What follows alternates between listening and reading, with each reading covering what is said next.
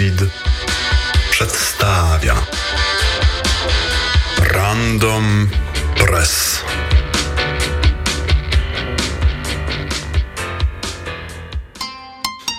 To na wiosnę kodzi w wimie, latem pasał będzie świnie.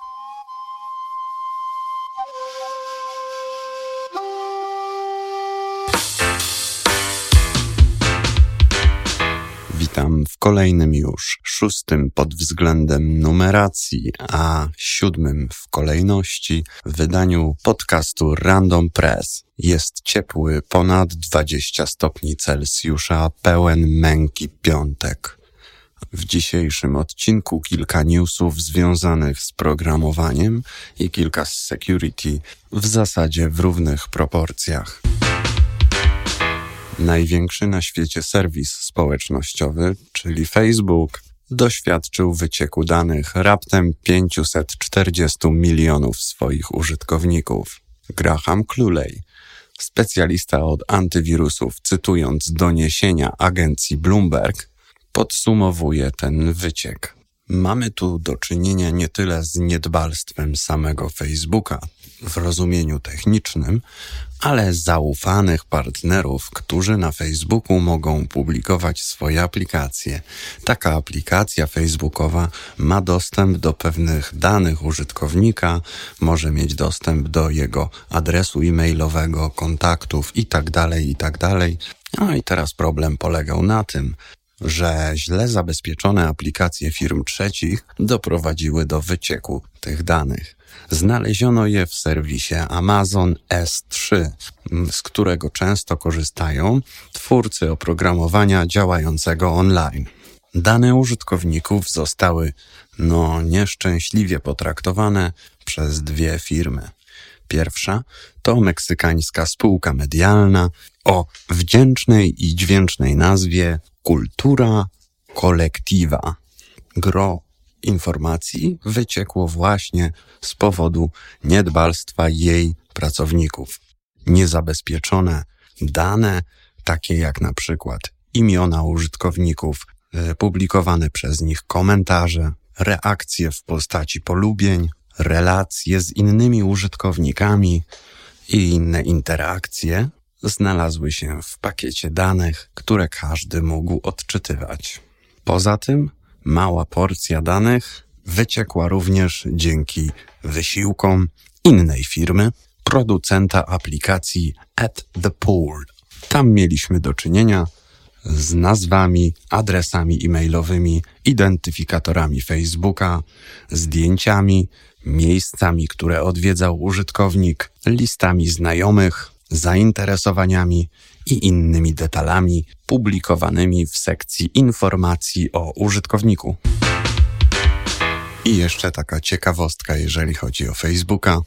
Gigant społecznościowy uznał, że skoro jest już jedyną w zasadzie najpowszechniej użytkowaną siecią społecznościową na świecie, to może podnosić poprzeczkę wstępu do swojej boskiej platformy. Oto niektórzy z nowych użytkowników zaczynają być proszeni o to, aby podawać hasła dostępowe do kont poczty elektronicznej. Ten sam Facebook, który jeszcze kilka tygodni temu przyznał się do niezłej wpadki, jeśli chodzi o hasła, których nie szyfrował, teraz wymaga, aby użytkownicy podawali swoje informacje uwierzytelniające do innych serwisów. W oświadczeniu przysłanym serwisowi Daily Beast Facebook tłumaczy, że wycofa się z pomysłu i że cała sprawa to po prostu ułatwienie, motywem było to, aby oni nie musieli tak długo czekać, tylko automatycznie Facebook w ich imieniu mógł potwierdzić adres e-mailowy,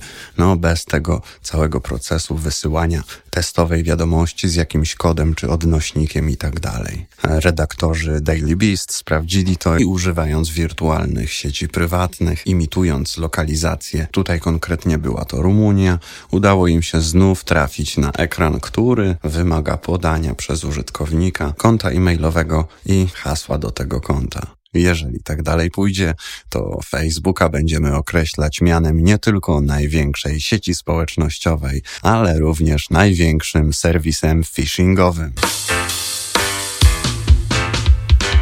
I wesołe informacje, chociaż nie dla wszystkich, ze słonecznej Italii. Badacze bezpieczeństwa zrzeszeni w organizacji tytułującej się mianem Security Without Borders, nie wiem jak to przetłumaczyć, bezpieczniki bez granic, natrafili na bardzo sprytne aplikacje w Google Play, domyślnym sklepie, z którego pobierane są programy dla systemu Android. Znajdujące się w sklepie aplikacje były zaprojektowane w ten sposób, żeby imitować takie nieszkodliwe, misiaczkowate programy, na przykład oferujące różnorakie promocje, zniżki itd. Tak Udawały również, że cała akcja, na przykład marketingowa, organizowana jest we współpracy z lokalnymi włoskimi operatorami sieci komórkowych. Jednak zaraz po tym, jak użytkownik aplikację zainstalował i uruchomił, zaczynała ona badać, z jakim telefonem ma do czynienia i próbowała uzyskać unikatowy identyfikator. Chodzi tu o numer e-mail. Analiza kodu szkodnika pokazała, że wywoływana jest funkcja check valid target, co mniej więcej oznacza sprawdź, czy poprawny jest cel. Mieliśmy więc do czynienia z atakiem ukierunkowanym. Ale w kogo?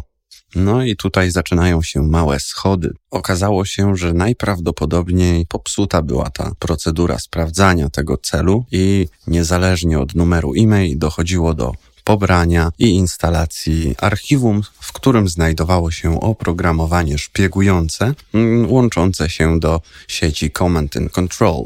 Taki botnet mm, mógł zlecać poszczególnym telefonom z zainstalowanym malwarem różne ciekawe operacje, takie jak na przykład e, nagrywanie i wysyłanie im rozmów, SMS-ów, przeglądanie historii kontaktów i rejestru połączeń itd. Tak typowy spyware. Ale co jeszcze ciekawsze, małe śledztwo przeprowadzone przez serwis Motherboard we współpracy z wymienioną organizacją pokazało, że za wszystkim stoi firma. I to nie byle jaka firma, tylko eServe, włoska spółka, która znana jest z tego, że współpracuje blisko z organami ścigania, aby łapać cyberprzestępców. Cała historia dopiero się zaczyna, bo mimo bliskiej przyjaźni z organami ścigania, 1 kwietnia do siedziby zapukali prokuratorzy. I może zejdźmy z tematów bezpiecznikowych i zajmijmy się trochę programowaniem. Zaczynamy oczywiście od Clojure w serwisie Juxt jeden z redaktorów opublikował ciekawy artykuł dotyczący danych, e, zatytułowany w sposób trochę taki mistyczny Wartość dwuczasu. Jest jakiś związek między programowaniem funkcyjnym, szczególnie posługiwaniem się językiem Lisp i jego dialektami, a e, wymyślaniem bardzo takich enigmatycznych tytułów. Nie wiem z czego to wynika.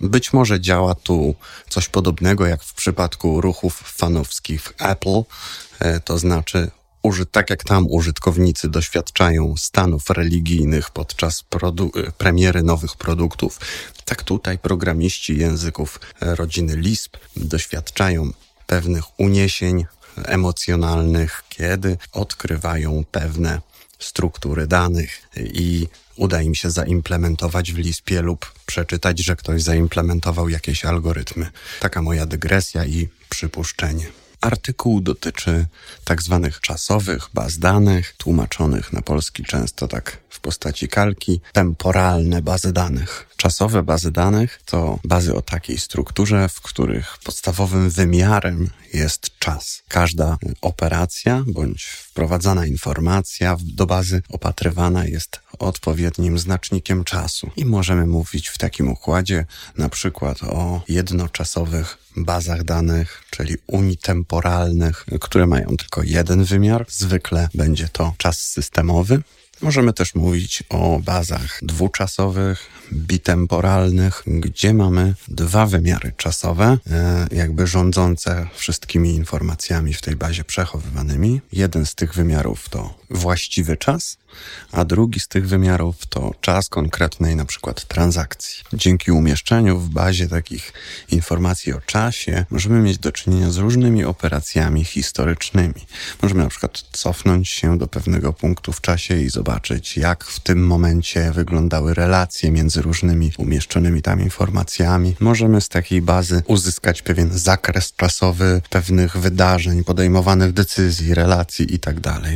Programiści języka Clojure lubią zabawy z czasem, a to dlatego, ponieważ w języku tym większość struktur danych to dane niemutowalne, a struktury są trwałe. Oznacza to, że musimy w jakiś sposób uwzględniać ten czas. On staje się czymś istotnym i czymś często wyrażanym wprost, ponieważ w Clojure nie ma pojęcia jako takiej zmiennej, są tylko wartości, które mogą być wymieniane na inne, jeżeli mówimy o jakiejś tożsamości. Na przykład tożsamością będzie liczba punktów gracza pewnym kwancie czasu ta liczba wynosi tyle, w drugim jest ona już różna, natomiast nie zmieniamy żadnego miejsca w pamięci przechowującego tą liczbę punktów gracza. My wytwarzamy tak zwaną tożsamość, identity, która identyfikuje nam tą liczbę punktów gracza, natomiast nie mamy tu do czynienia ze zmianą, taką jak w językach imperatywnych, zmianą e, wartości w komórce pamięci.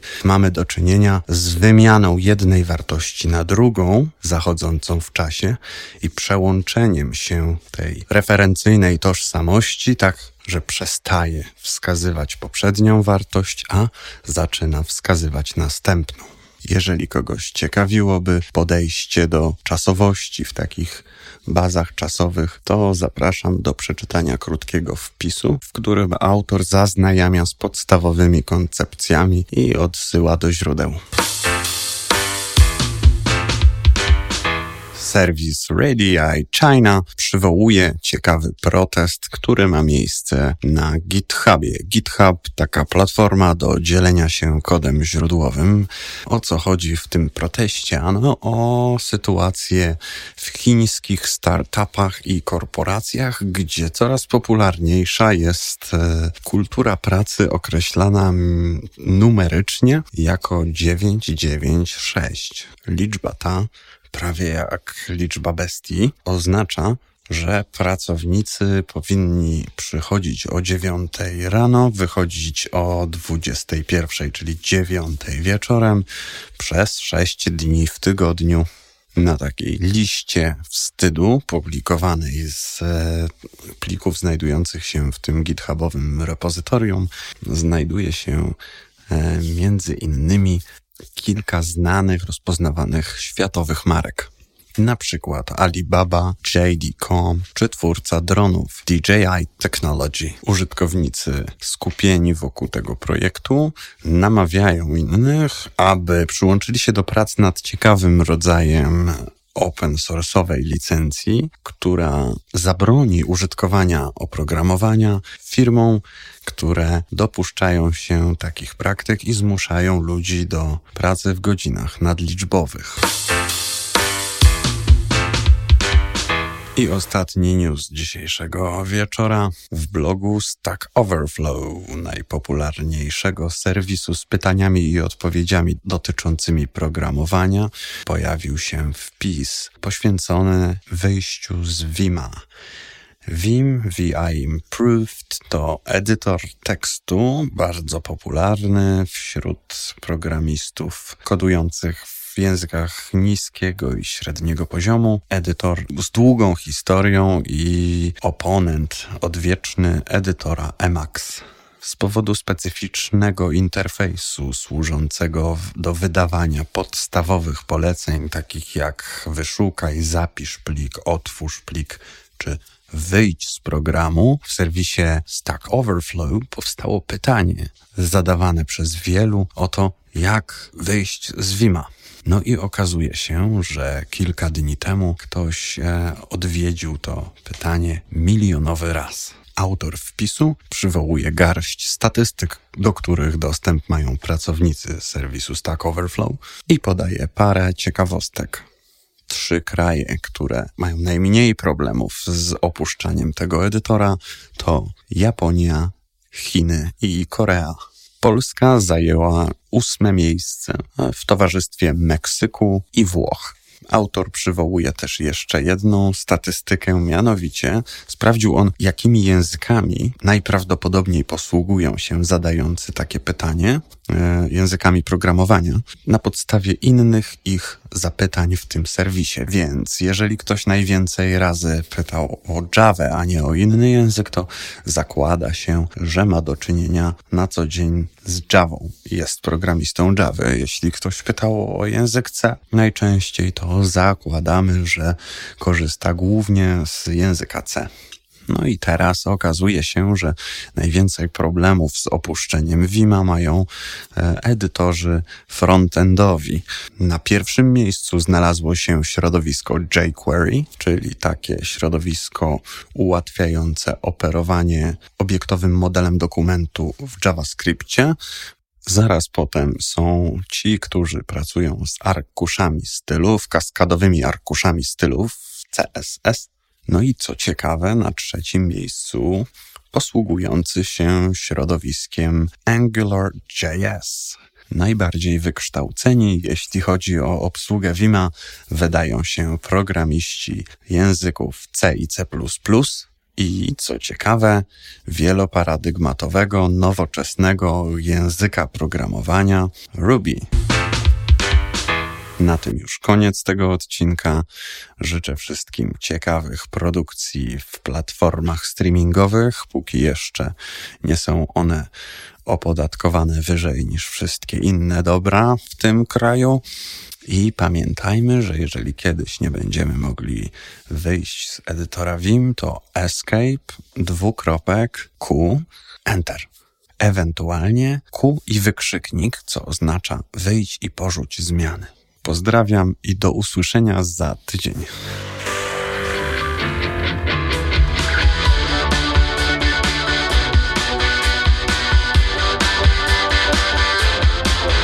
Random Press.